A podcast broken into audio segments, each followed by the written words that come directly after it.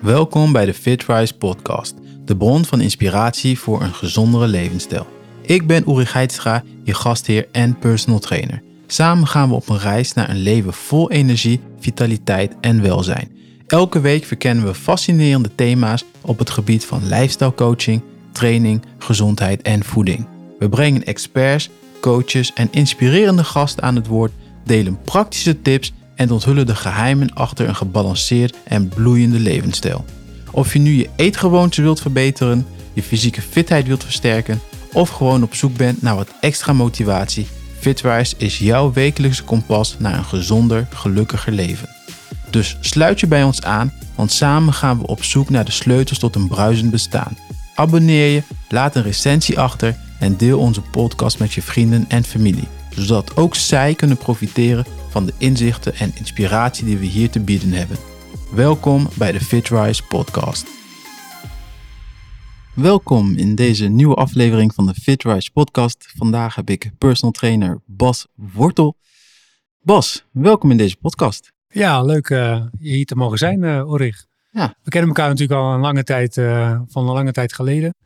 Ooit samen de NESM-opleiding gedaan, een specifieke personal trainer opleiding eigenlijk allebei een hele andere kant op gegaan, maar toch uh, elkaar weer hier gevonden. Uh, ja, in Enschede, waar ik nu mijn, uh, mijn studio heb. Klopt. Zou je jezelf voor kunnen stellen? Iets meer over jezelf kunnen vertellen, dan weet de luisteraar ook met wie die vandaag te maken heeft. Nou, zoals je al zei, ik ben personal trainer. Ik werk hier vanuit mijn eigen studio, hier in Enschede. Al nu bijna tien jaar hier op locatie aan het werk. Daarnaast ben ik vooral vader ook van twee mooie dochters, zeven en acht jaar jong. Uh, samen met mijn vriendin. En uh, ja, heel happy uh, in de situatie waar we nu zijn. Ja. Hm, top. Ja. Even in, in de notendop, hè. Want ja. er is meer. sportspecifiek is mijn achtergrond vanuit het CIOS in Heerenveen. Daar ooit begonnen in periode 1998-2000. Daar afgestudeerd en vanuit daar het werkveld ingerold in, in de fitness. Altijd gedacht van nou, dit is niet mijn eindstation, maar ergens is het toch uh, zo moeten gaan lopen. Want ik heb de eerste vijf jaar gedacht om uh, binnen de politie te geraken. Om uiteenlopende redenen is dat niet gelukt. Uh, maar daar in die tussenjaren altijd wel gewoon werkzaam binnen de, de sport. En nooit gedacht dat het ook mijn professie zou worden en gaan worden. Maar ook dat liep allemaal anders. En op het moment van 2010, om en bij 2010, kwam de markt personal training echt in Nederland ook echt binnen. Uh, misschien nog wel meer in het westen dan hier in het oosten van het land. En uh, bij de, mijn toenmalige werkgever ja, werd het toen ook echt wel bespreekbaar van nou, zullen we ermee gaan starten? Is er markt voor ook? Nou ja, en dat ja, is gebleken, want ik ben begonnen als trainer. Ik was altijd de fitnessmanager destijds en ja, toen mijn uren eigenlijk gehalveerd. En binnen ja, de eerste maanden had ik een eerste klantenkring kunnen opbouwen. En vanaf toen is eigenlijk al zo opgezet en heeft het zich nu geresulteerd dat ik ja, meer dan uh, twaalf jaar echt zelfstandig ben. Al tien jaar dus de eigen locatie. En uh, heel happy ben in de situatie zoals het nu is. Ja, ja. ja, ja nou, mensen zien het natuurlijk niet, want ze luisteren naar de podcast. Maar echt een hele gave studio. Uh, Dankjewel. Mooi materiaal, echt gaaf spullen, heel mooi speelgoed. Dus zeker iets wat ik ook na wil streven. Um, ik begin een podcast eigenlijk altijd met een quote. Ik zou graag willen dat jij een quote deelt waar jij voor staat een quote die jij heel vaak gebruikt. Zou jij een, ja, een quote willen delen met de luisteraar? Ja, dat is een goede insteek. Ik ben niet direct de man van een quote, zo gezegd. Er hangt er hier wel één bij mij in de studio. Uh, life begins at the end of your comfort zone. Um, deze heb ik ooit gekregen van een klant van mij als herinnering, zoals zij in dat traject uh, stond. En uh, haar dankbaarheid op die manier eigenlijk tonen daarin. Maar uh, dus nee, ik kan niet direct een quote benoemen, maar voor mij zou wel de werklijn zijn dat alles is gewoon mogelijk. Dat is wel in de basis binnen elke doelstelling, uh, zowel sportief als in het werkelijke leven. Ja, dat is wel echt wat bij mij past en uh, waar ik heilig in geloof. En zelf ben ik ook daar het voorbeeld van naar mezelf toe, want ook voor 10, 15 jaar terug dacht ik nooit, hè, wat ik inleidend ook in het gesprek zei, in de sportschooltijd, ik wilde geen sportschool hebben, dat zag ik nooit voor me. En ik ben begonnen met personal training, maar dit had ik ook nooit voor ogen. En dat groeit op een gegeven moment zo. En als je merkt dat het die kant op gaat, ja, dan ga je steeds meer in die grote jas komen, zo gezegd. En ja, dan haal je ja, inderdaad de doelen die je voor ogen hebt. En voor mij was het de eigen locatie en uiteindelijk ja, de studio zoals ze nu staat. Echt een sterke merknaam en een, fijne, een, fijne klantkring. Ja, en dan kun je ja, alles bereiken wat je wil, denk ik. Ja. Laat dat dan de quote zijn, ja. Alles is mogelijk en als je maar bereid bent om voor te werken. Want dat is natuurlijk de keerzijde. Logisch, zo gezegd, maar in mijn werkveld... Uh, ja, is het soms wel eens het idee van ik kom binnen en oké, de resultaten komen daar wel. Maar je zult gewoon alle ja, ja. Uh, acties erop moeten ondernemen. Ja, mensen denken vaak dat wij tovenaars zijn of dat, dat we een magische pil hebben. En dat het feit dat je alleen maar een personal trainer inhuurt, dat het dan vanzelf goed komt. Maar je zult er toch wel zelf ook iets voor moeten doen. Ja, wij zijn een ondersteunende rol en je hoopt daarin op de juiste knoppen te kunnen drukken. Dat ze uh, daar actief worden, de juiste keuzes maken in het normale leven. En ja, dan ga je naar het resultaat toewerken. En dat is uh, ja, best lastig voor veel mensen. En uh, daar kunnen wij gelukkig goed bij helpen daarin. En voor mij in de studio hier is het ook een fijne plek om daar in een vertrouwde situatie mee te werken. Maar uiteindelijk gebeurt het echte resultaat natuurlijk buiten de studio in het normale leven. Niet zozeer als jij en ik erbij zijn. Ja, zeggen. ja, we zien de mensen natuurlijk maar één of twee uur per week, of sommige drie. Ja. En de rest van de tijd, ja, dan staan mensen er zelf voor en dan moeten ze het allemaal zelf doen. Ja. ja, maar daar gaan we het vandaag natuurlijk ook over hebben gezondheid, mensen gezonder maken, mensen beter maken, mensen fitter maken. Uh, ik zou graag willen beginnen met, uh, ja, je hebt een, weer een kleine verbouwing achter de rug. Ik kom net uit jouw ijsbad. Um, heel gaaf. Ik, ik doe het natuurlijk thuis ook, want ik heb er thuis eentje in de tuin staan. Maar je hebt een hele mooie, ja, hoe zal ik het zeggen? Um, accommodatie. Uh, ja, gewoon professioneel ijsbad. Ja. Dat is de, het woord wat je zocht, denk ik. Want um, nou ja, zoals je van me weet, maar de luisteraars nog niet. de laatste twee jaar heb ik het hele jaar door in de winter van oktober tot en met maart elke week in buitenwater, natuurwater een dip gedaan. Vanuit die ervaring. Uh, en eigenlijk sowieso de hele kou-therapie en aanleiden natuurlijk vanuit Wim, Wim Hof, de, de ijsman. ja, het gewoon zelf gaan proberen en gaan ervaren om te kijken ja, wat de kou voor mij zou kunnen doen. En vanuit die twee jaar ervaring buiten heb ik inderdaad dit jaar de stap genomen om in mijn studio een kleedkamer te verbouwen waarin ik mensen ja, een ijsbad kan gaan laten nemen. In een mooie privé situatie, maar wel een bad welke ja, tot 3 graden gekoeld kan worden. Maar anderzijds ook naar 10 graden weer opgewarmd zou kunnen worden. En dat op die manier zo laagdrempelig mogelijk maken om ja, mensen de kou te gaan laten ervaren. Want uh, misschien gek genoeg, ook weer niet misschien, maar uh, de laatste twee jaar wilde geen enkele klant eigenlijk echt mee naar buiten. Nog nooit echt van gekomen. En op dit moment is het gewoon in de studio direct daar aanwezig. Dus je hebt geen gedoe aan de waterkant. We hebben geen invloed van al die weersomstandigheden die er zijn. Wat een reden kan zijn om het niet te doen. Het is gewoon nu perfect gefaciliteerd. En, uh, het staat er nu ruim anderhalve week. En we hebben er al nu twaalf mensen in gehad.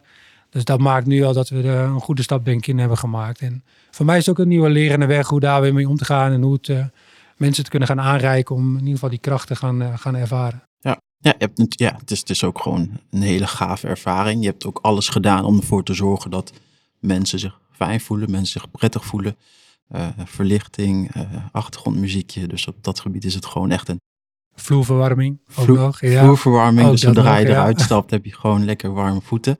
Maar wat is de voordeel die je eruit wilt halen? Wat, wat, wat, wat zijn de voordelen van een ijsbad? Waarom wat voegt het voor jou toe om dat hier in de studio te hebben? Uh, voor mij als, uh, als trainer is het gewoon echt uh, gericht op service. Dus je kijkt binnen de vier pijlers vanuit het werkveld.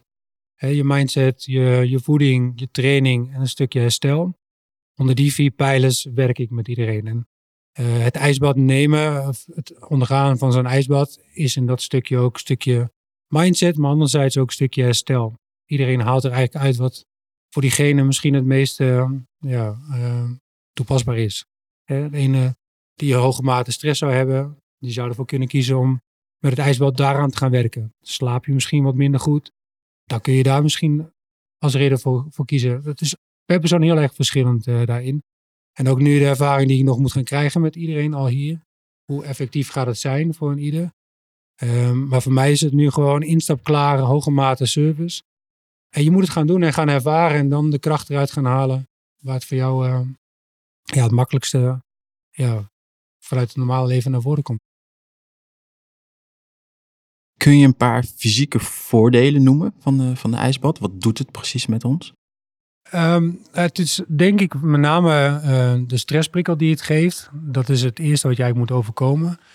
Uh, en die stressprikkel gaat ervoor zorgen dat je lichaam beter moet gaan uh, omgaan met de warmte die er in het lijf is. de kou ontneemt die warmte ook in dat stukje.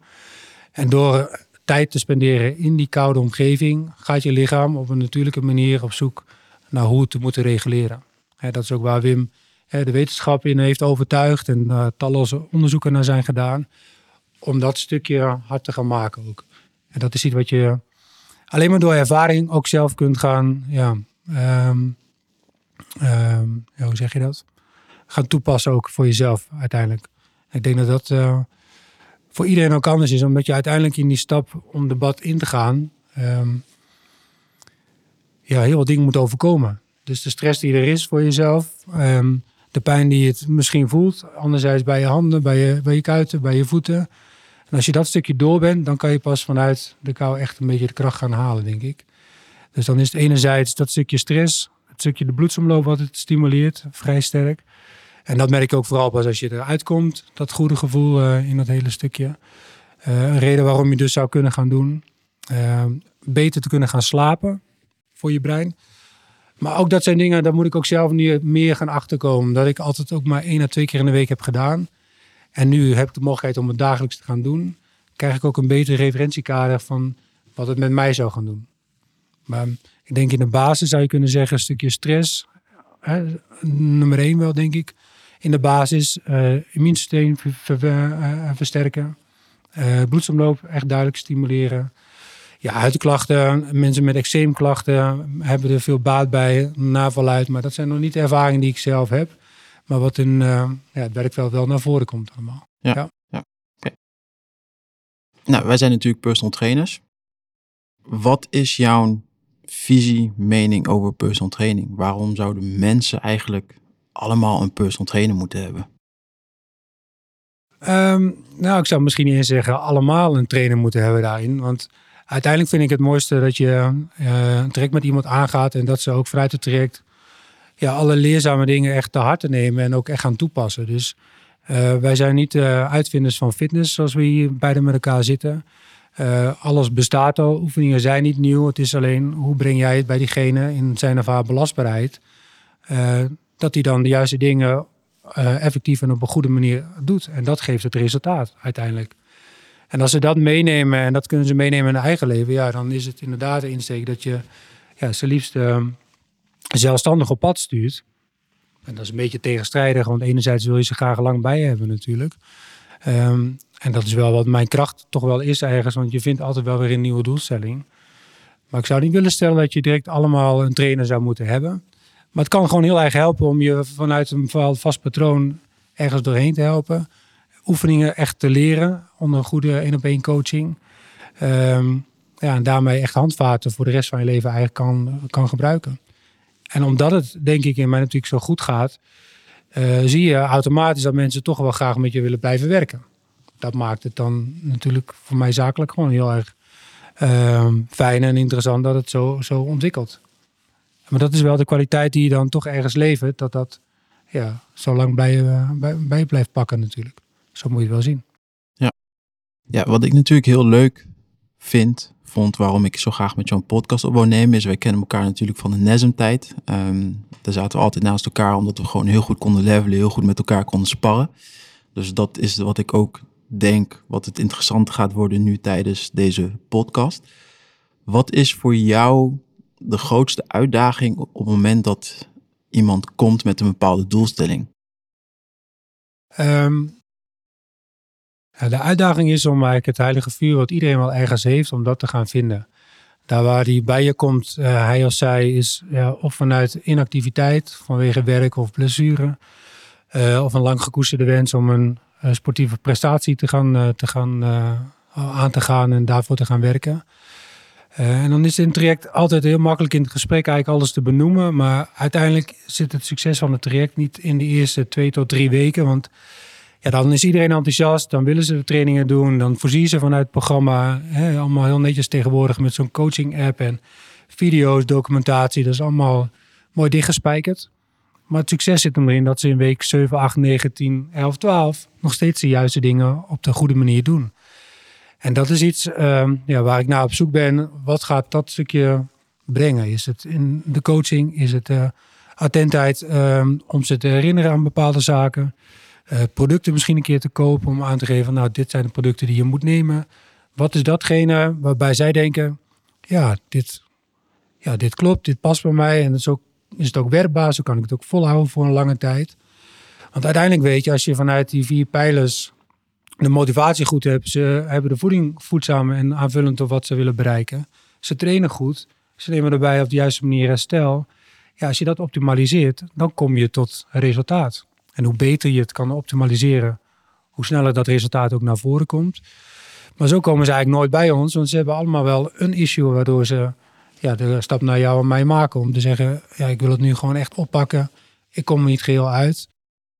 Laten we beginnen. Ja. Dat maar, en wat maakt dan dat week 2, 3 heel goed gaan en uiteindelijk week ja, het, leven, het leven is voor iedereen veel te druk. Met um, nou ja, het zijn gezin, zeker hoge mate van werk voor veel mensen, wat ik uh, ervaar en zie.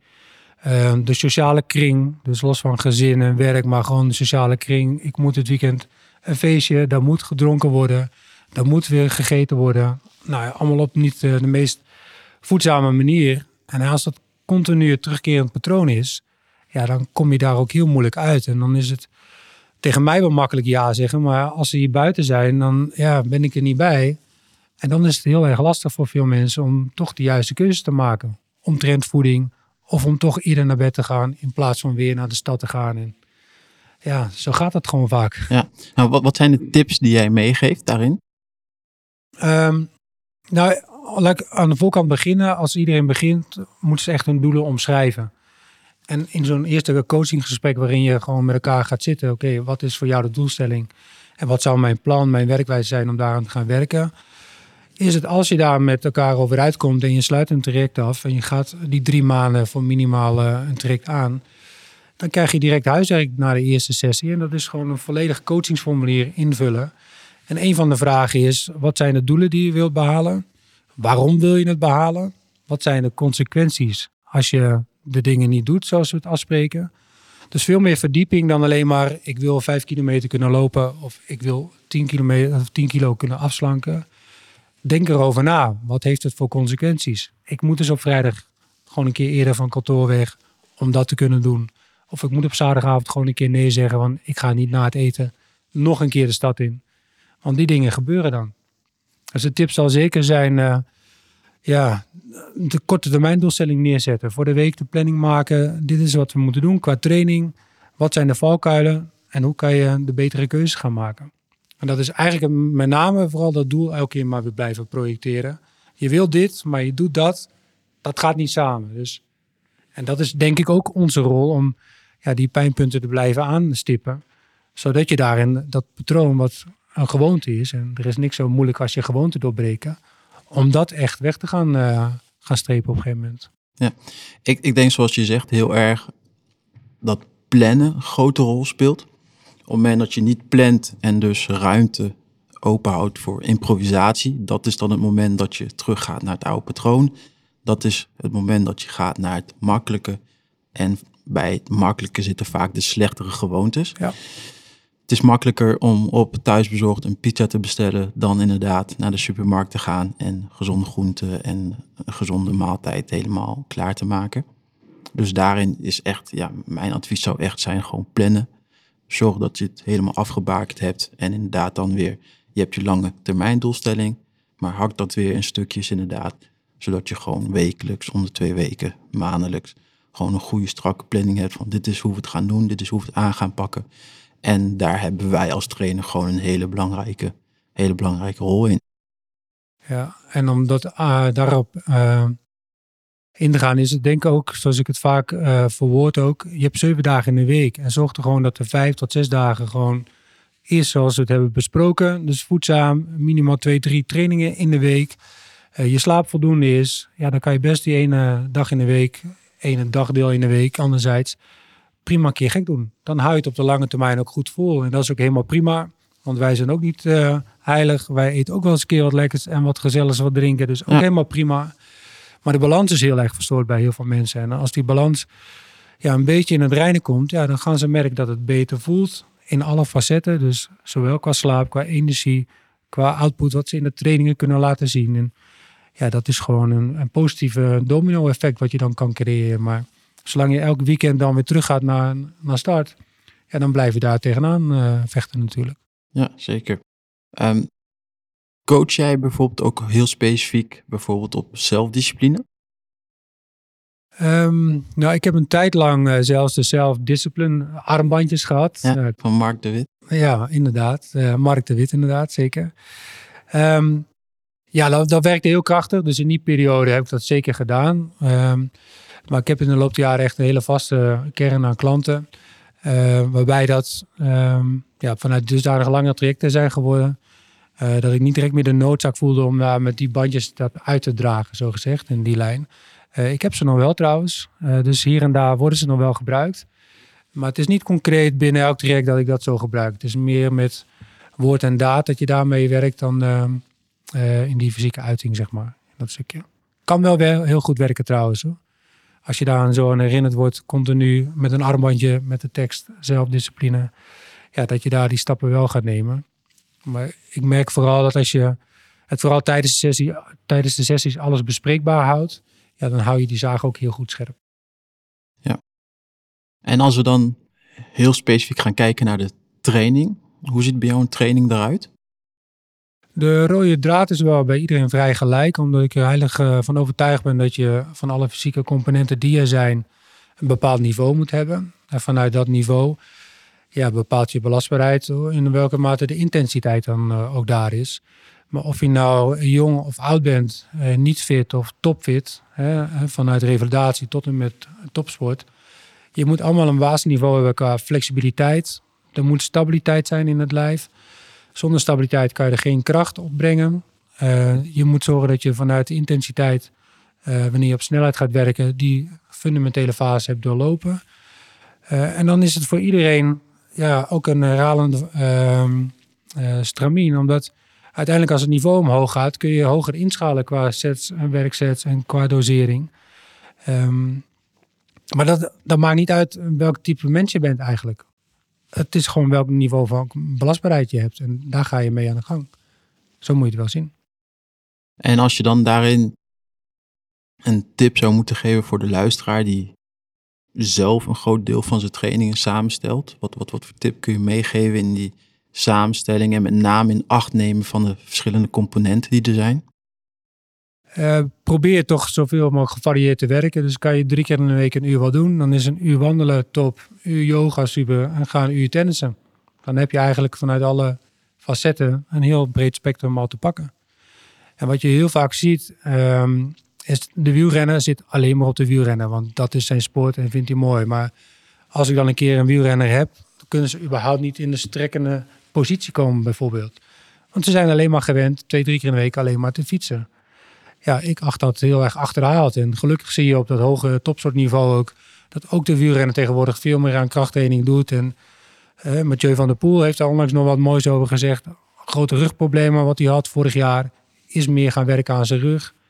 En heeft dat echt gekoppeld aan zijn trainingen. Dat was voor tien jaar terug echt uitgesloten. Want dan was het alleen maar fietsen.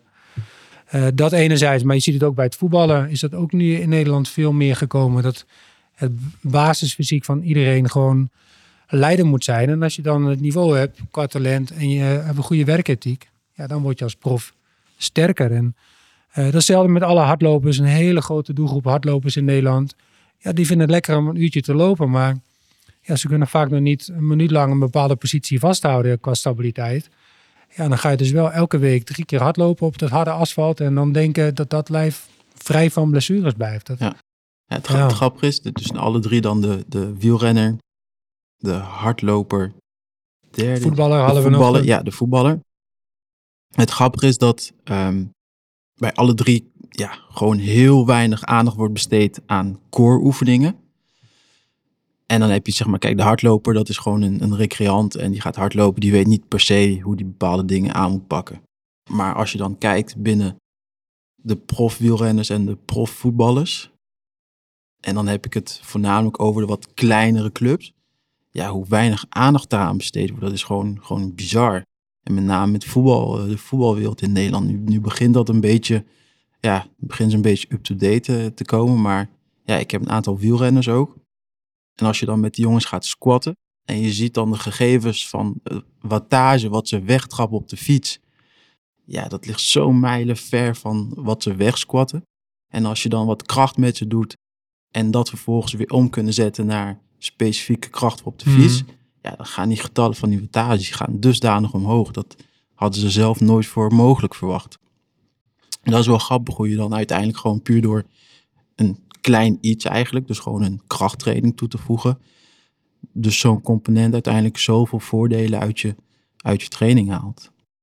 Ja, ik heb uh, misschien wel een mooi voorbeeld om te benoemen. In uh, mijn eerste jaren als trainer binnen het sportcentrum waar ik toen werkte. En uh, een klein beetje hier op deze locatie met een golfer gewerkt. Ehm, die jongen die was in Southern California bij een universiteit geschoold met een scholarship. Altijd op topniveau daar uh, golf gespeeld. En ook in Nederland en uh, op de Europese Tour uh, gespeeld. die jongen die kwam bij mij, die wist niet beter dan dat hij daar op de universiteit krachttraining deed. Dus als je mij vraagt, wie was voor jou het sterkste, het mooiste om mee te werken? Dan zeg ik met stip, Tim was voor mij nummer één. Want die kon alles qua krachttraining. Die hoefde ik niks bij te vertellen. Want die was, ja, op een positieve manier geïndoctrineerd. Je fysiek is alles en dat vertaalt zich naar het spel op de golfbaan. En dat is iets wat in Amerika veel meer is binnen alle professionele sporten daar. Uh, los van golf, de NFL, de NHL, de NBA. Ze zitten allemaal in het krachtonk, want dat geeft hun het contract, uh, het geld, uh, alle sponsorships. En ja, dat is normaal. En in Europa, en zeker in de voetbalsport, maar ook in de wielersport, het verandert stapjes. Maar het verandert nu wel gelukkig in de positieve zin. Omdat je bij de grotere clubs zeker qua voetbal het meer ziet. Nou, ik noemde Mathieu van der Poel. Uh, zo kun je nog wel meer wat wielrenners noemen die veel meer tijd en aandacht geven aan gewoon hun fysiek. En dat is wat wij als trainer, denk ik, tenminste wat elke trainer in principe uh, als leidraad moet hebben. Het totale fysiek, omdat het vertaalt, de vertaalslag naar het normale leven, is ook dat je van alles op je pad kan krijgen. En dat is onder andere waarom je zou moeten trainen, denk ik. Ja, zeker. In die lijn. En ook als je alleen als je al kijkt, zeg maar, hoeveel blessures er voorkomen kunnen worden door gewoon een, een sterker lichaam. Ja, dat is gewoon, gewoon bizar. Ja. ja. Ja, sterker en vitaler ook, denk ik. Want uiteindelijk wil je, denk ik, zo lang mogelijk van het leven genieten. En zolang je alle vitale functies houdt. Dus los van dat je kan kijken, dat je kan horen. Maar je wil ook nog een keer een rondje kunnen rennen, ergens aan hangen, spelen met je kinderen, met je kleinkinderen. Ja, die vertaalslag maak ik altijd heel sterk. Want dat is uiteindelijk waar het allemaal om draait. Dat je gewoon leuke dingen doet. En niet dat je fysiek je zo beperkt dat je zegt... ik stap niet in die boot, want ik vind het veel te spannend om in dat water misschien te vallen. Of ja, ik ga niet het avontuur aan om een keer door de modder te rennen... en maar gewoon te zien hoe het gaat. Ja, blijf gewoon kind zo lang mogelijk op een goede manier. En dat houdt kwaliteit van leven en dat brengt plezier. En ja, uiteindelijk is dat waar het denk ik wel om draait. Ja, ja, ik zeg ook altijd vitaal en gezond ouder worden. Ja, en dat is gewoon heel breed. Ja, je wilt gewoon uiteindelijk, zoals jij zegt, met je kleinkinderen kunnen spelen. En niet op je zestigste niet meer kunnen hurken of bepaalde dingen niet meer kunnen doen, omdat je gewoon niet aan je gezondheid hebt gewerkt. Ja, ja dat is wel grappig, want ik weet dat jij ook heel erg op het hele functionele uh, zit. Mensen, je wilt gewoon functioneel trainen in de diverse assen en vlakken die er zijn van het, van, van het lichaam. Ik weet dat je ook heel veel weightlift. Kun je een beetje vertellen hoe je het weightliften toepast in je training en vooral waarom eigenlijk, wat de voordelen zijn van, van weightliften in jouw optiek? Um, vrij vertaald het gewicht heffen uh, voor uh, de mensen die minder goed Engels spreken. Want het gewicht heffen in Nederland is natuurlijk heel klein. Um, wordt ook wel beter nu en dat komt door de methode CrossFit die um, ja, door ook heel Nederland nu wijd verspreid is in positieve zin voor mij ook het pad geweest waarin ik kennis maakte met weightlifting. Want in de oude tijd had je wel het voorslaan onder andere en het stoten en het trekken. Maar dat was niet zo ja, breed toepasbaar binnen ja, de sportschool of dergelijke. En ik denk dat zeker de CrossFit methode, uh, wat zich kenmerkt in uh, functioneel uh, trainen qua gewicht heffen, turnen en conditioneel. dat dat wel echt een heel pad heeft geopend voor ja, een hele grote doelgroep om toch met die materie, met die oefeningen bezig te zijn. En, uh, waarom het goed is, is denk ik omdat je met het lijf leert uh, op snelheid te werken. Maar je kan alleen maar op snelheid werken als je een stukje mobiliteit hebt. Uh, stabiliteit en dan dus de kracht, hè, de, de pijlers waar we net al over spraken. Als je dat als basis hebt, dan wordt het juist interessant om op snelheid te werken. En het gewicht heffen, ja, kenmerk dat vooral. De oefeningen die je los in de krachttraining eigen moet maken. Als je dat beheerst, ja, dan wordt het super interessant uh, voor de feedback die je van die oefeningen krijgt. Als je alles op snelheid gaat doen. En dat is het gewicht heffen. Onder snelheid, explosiviteit, ja, een, een zeg maar, significant gewicht. En dat hoeft in de basis nog niet eens een zware halte te zijn. Want uh, met een halte van 10 of 20 kilo op snelheid werken is voor de meeste mensen in Nederland al een hele grote uitdaging. En zo integreren we ja, het binnen de training al hier. Train ik niet met echte gewichtheffers en uh, op dat niveau. Maar alles wat je eruit kan halen is prima toepasbaar voor de normale mens, als ik het zo maar mag zeggen. Want ik denk de mensen die echt op het gewichtheffen gericht zijn, dat is ook maar een paar procent. Omdat dat fysiek moet eerst gewoon goed zijn. En dat is denk ik de basis waarbij je bij iedereen werkt. En, en wat voor mij ook echt een eye-opener is geweest. Want ik kende het van 15 jaar terug ook eigenlijk niet binnen de opleiding en dergelijke. En dat is wel echt iets wat over de laatste 10, 12 jaar gegroeid is. En wat nu veel meer verspreid is. En wat ik ook heel erg toejuich. Is, is wel grappig eigenlijk, want het is zo compleet. Zoals je zegt, inderdaad, de weg er naartoe, voordat je überhaupt gaat weightliften met iemand, ja, heb je een hoop componenten die je, die je toepast om iemand klaar te maken, om iemand belastbaar te maken ja. om te gaan weightliften. Dus werk aan een stukje stabiliteit, balans, uh, kracht, explosieve kracht, voordat je überhaupt met de barbel iets gaat doen. Ik vind het eigenlijk altijd wel frappant dat het niet in de opleiding zit. Zowel op de Shields niet, als in een fitness trainer A of B opleiding. Ik ben niet helemaal actueel wat de laatste vijf jaar gebeurd is. Want um, ik hoor wel vanuit um, oud-klasgenoten van mij, vanuit het westen van het land. Onder andere uh, vanuit het werkveld hier bij RSC in Enschede. Dat er wel zeker uh, leraren zijn die daar nu met die materie aan de gang zijn. Of het wijd verspreid is, weet ik niet. Maar ook dat is wel aan het veranderen. Heb ik op de ROC's hier in de regio Twente wel gemerkt. En, uh, en hoor ik vanuit het werkveld. Dus ja. Ja, nou, in ieder geval, ik, ik, ik heb ieder jaar wel stagiaires uh, van uh, sport en bewegen. SEALS helaas niet, maar sport en bewegen wel. En ja, ook kettlebell, die krijgen gewoon heel weinig. Die krijgen gewoon, tenminste, stagiaires die bij mij komen in ieder geval, allemaal nog steeds gewoon de oude basic krachttraining, vaste toestellen. En ik snap dat dat vanuit de fitnesswereld de basis is. Maar uiteindelijk, ja, dat stukje weightliften, uh, kettlebell, het functionele. Ja, het is uit de toch... tijd, um, kijk, helemaal teruggaan in de tijd, komt het vanuit het bodybuilding, fitness, sportscholen.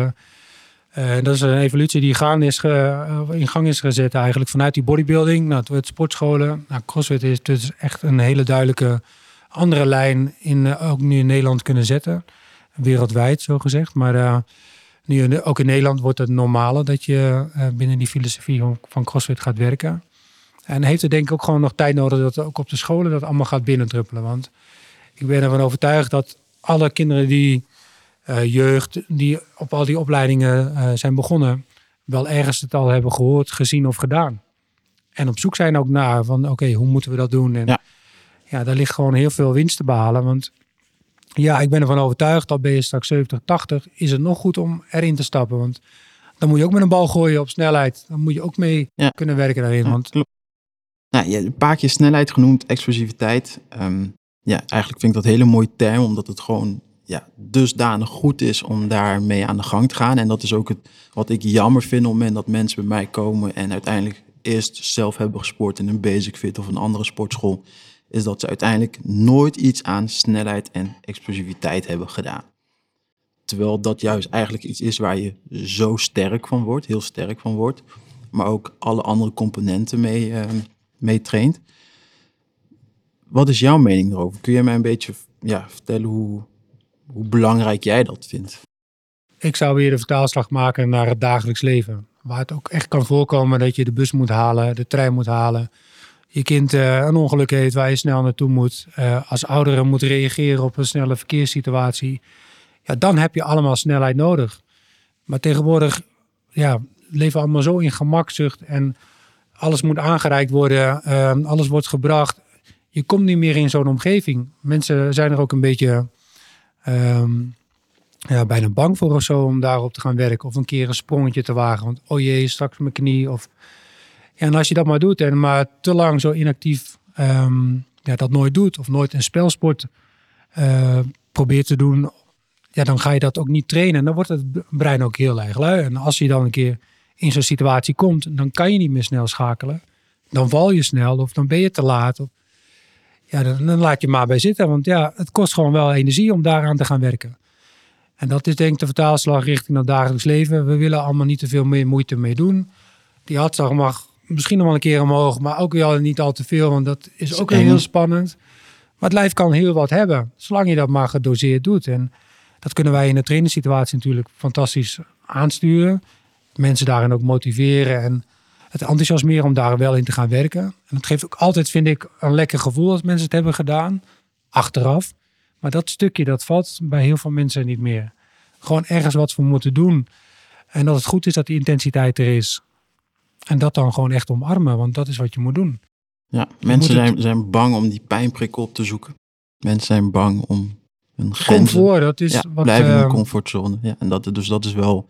Nou, als er een boodschap is die ik vandaag zou willen delen, is, is dat het denk ik wel. Ja, wees niet bang om uit je comfortzone te stappen. Wees niet bang om jezelf pijn te geven. Zoek het is, je het is uh, een mooie quote, hè, wat uh, ik je aan het begin zei vanuit de comfortzone. Maar je, moet de, je blijft leven als je durft te gaan voor die externe prikkel en het onwetende. Als je dat houdt, dan hou je altijd nieuwsgierigheid en dat is iets positiefs, denk ik. Want dan ga je weer groeien voor jezelf. En dat kan als je 30 bent, 40, maar ook als je 80 bent, kun je die stap nog maken. Heb je nooit goed kunnen zwemmen, omdat vroeger dat er nooit was? Ga naar het zwembad en ga leren zwemmen. Leren zwemmen, ja. En je kan perfect gaan, gaan leren zwemmen. Dat, Ja. dat kan ook op die leeftijd nog. Ja, Ik heb laatst ook een mooie podcast gehoord, eh, geluisterd van Gary Brecka. Ken je vast wel? Niet direct, maar Ja, nou, ja die, die heeft ook een hele mooie podcast. Maar die had het over dat ehm, uit je comfortzone stappen zorgt ervoor dat je minder snel ouder wordt. En uiteindelijk ja, komt het een beetje op neer over waar we het nu ja, de laatste 20 minuten over hebben. Ja, op het moment dat jij jezelf ja, uitdaagt, uit je comfortzone stapt, dan zorgt ervoor dat je dus beter blijft en geen achteruitgang boekt. Waardoor je dus ook gewoon ja, minder snel veroudert, minder Ja. snel stijf wordt, minder snel bepaalde dingen gewoon niet meer kunt. Ja, dus dat is wel een ja, hele mooie eigenlijk. En dat is waar wij alle twee in onze trainingen echt helemaal op inspelen. En wat als intens wordt ervaren en, en moeilijk. En eh, ja, dat is een reden waarom je dus met een trainer zou, zou starten. Ehm, maar dan nog terugkoppelend is dus ook mooi als je uiteindelijk ziet dat mensen dat zelf kunnen gaan vinden. En als ze eh, zelfstandig verder gaan na een traject, dat je daar na later en na langere tijd toch weer contact hebt. En hoort, ik heb dit toch gedaan en ik ben dit gaan beginnen. Ja, dat vind ik ook gewoon mooi. Dus ja, dan hoef je niet de rest van je leven met elkaar te werken. Maar dan heb je wel toch ergens een steentje kunnen bijdragen Ja, zeker. dat mensen dat toch gaan doen. Ja. En dat is wel echt iets moois, denk ik. eh, een reden om het te doen, denk ik. Ja, klopt. Ja. Ik, ik, ik zeg het ook in, tijdens mijn intakes dat ik mijn insteek is ook om bepaalde kennis over te dragen. Ik heb er niks aan om jou mijn leven lang als klant te hebben. Ik wil ook dat jij zelfstandig bepaalde dingen kunt doen en zelfstandig verder kunt. En dus tijdens mijn trainingen leg ik ook altijd uit wat ik doe, waarom ik het doe, hoe ik het doe. Zodat mensen uiteindelijk snappen wat ze doen. Dus Ja. dat ze niet stomweg doen wat ik zeg dat ze moeten doen. En dat ze het uiteindelijk als een keertje op vakantie gaan en ze gaan sporten of ze zijn, vervolgens gaan ze zelfstandig door. Dat ze gewoon ook snappen en weten wat ze dan vervolgens moeten doen om gewoon goed voor hun lijf te zorgen. Ja, ik zeg het vaak in ehm, eh, omschrijving zo gezegd. Dat je, je hebt een rugzak die je gewoon wilt vullen in het traject ook. En ja, die eh, handvaten die je ze aanreikt in die rugzak die leeg is en gevuld wordt tijdens het traject.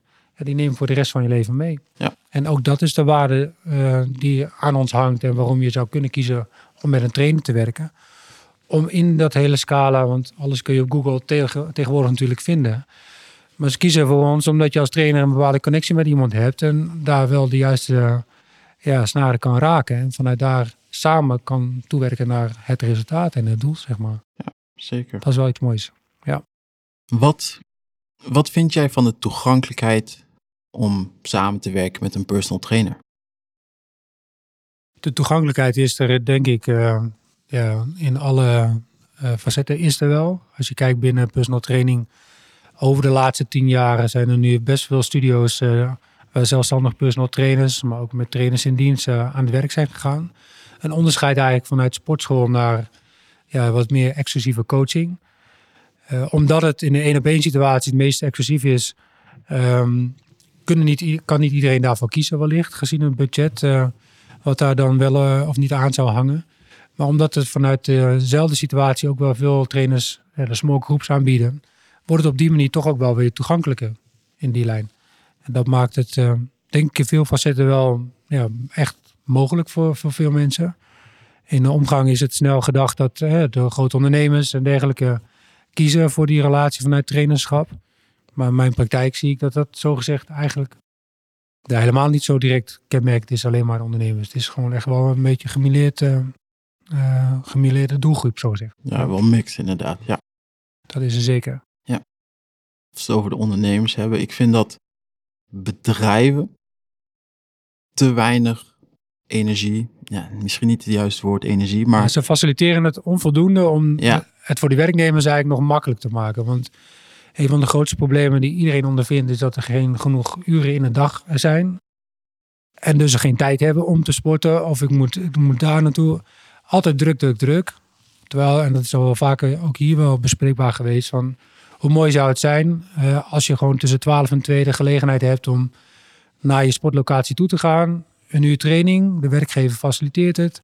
Je komt na een drukke ochtenddag uh, op het kantoor, kom je weer helemaal fris de middag binnen. En je productiviteit gaat sky high omhoog. En ja, je neemt nog een ijsbad tussendoor, gaat er nog een keer beter natuurlijk. Maar zeggen, bij jou is dat letterlijk en figuurlijk helemaal fris na de ijsbad. dan zou dat zeker kunnen. Um, maar dat zie je eigenlijk nog ja, heel mondjesmaat. Ik ken wel een aantal regio-bedrijven die het op het bedrijf hebben gefaciliteerd. Een kleine fitnessstudio en dat een trainer daar komt en dan een training verzorgt. Ja. Dus het is er al wel, maar in de algemene zin is het denk ik nog heel veel winst te behalen om vanuit de, ja, de werkgever dat te voorzien. Ik heb uh, los van de regio hier onlangs uh, de Johan Cruijff musical bezocht in het AFAS Theater. Uh, gevestigd in Leusden. Nou, daar heb ik gezien hoe het inderdaad dus ook kan. En AVAS heeft als bedrijf daar gewoon een volledige gymzaal, yogaruimte, relaxruimtes, een padelbaan buiten. Nou ja, dat vond ik echt state of the art. Uh, dit is de toekomst. Want Zeker. als je het zo faciliteert en binnen een bedrijf als AVAS waar weet ik het hoeveel werknemers zijn, ja, dan maak je het echt toegankelijk. Toegankelijker om ook echt te gaan sporten. Ja, vooral laagdrempeliger en mensen maken er dan vooral gebruik van. Ja, en binnen ons werkveld is dat dus A, 1 op 1, maar in de 1 op 2, 1 op 4. Ja, dat is echt veranderd. Voor vijf tot tien jaar terug was het alleen maar sportschool en bootcamps. En op die manier coaching en sturing naar, naar mensen die uh, dat wensen of nodig hadden. Ja, dat is wel echt iets, uh, ja, voor ons natuurlijk ook positief veranderd. Ja. Maar er is nog wel heel veel winst te behalen. Zeker. Zeker. ik denk dat er nog wel wat, uh, ja, ja. nog wel een weg te gaan is voordat we zijn waar we moeten zijn omtrent nou ja, omdat iedereen. ook gezondheid. Ja, dat stukje. Dat, je gunt iedereen gewoon dat vitale lijf. Zoals wij, als we daarover samen kunnen spreken, het fysiek hebben en goed in balans zijn. Ook al zijn wij ook druk en heb ik ook af en toe een avond slecht slaap. Dat hoort ook allemaal wel bij. Maar de baaslijn is gewoon heel goed.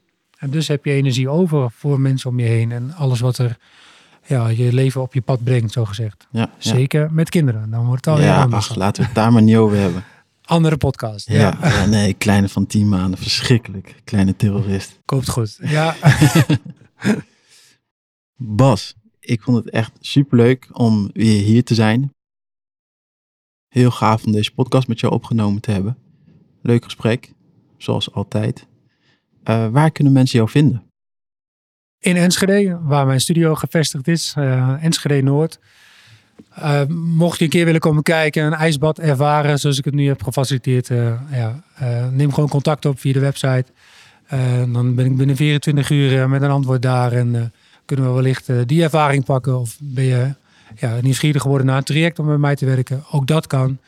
Maar bovenal, los van of je nou bij mij traint of bij jou dus, ga gewoon wel trainen voor iedereen die luistert. er is bij jou in de buurt altijd wel iets of iemand die je kan motiveren. Een sportclub of gewoon iemand in de familie. Ja, grijp dat met beide handen aan. Want uh, ja, we moeten met z'n allen ervoor zorg dragen dat je jezelf, maar vooral ook de omgeving gewoon dat ja, echt oppakt. En dan maak je het voor jezelf ook makkelijker uiteindelijk als je in een kring komt waarbij sportiviteit en gewoon de juiste keuze omtrent voeding. Ja, normale zijn in plaats van altijd maar weer de gezelligheid met alcohol en een hapje en, een- en een drankje dus. Dan maak je het zelf gewoon makkelijker.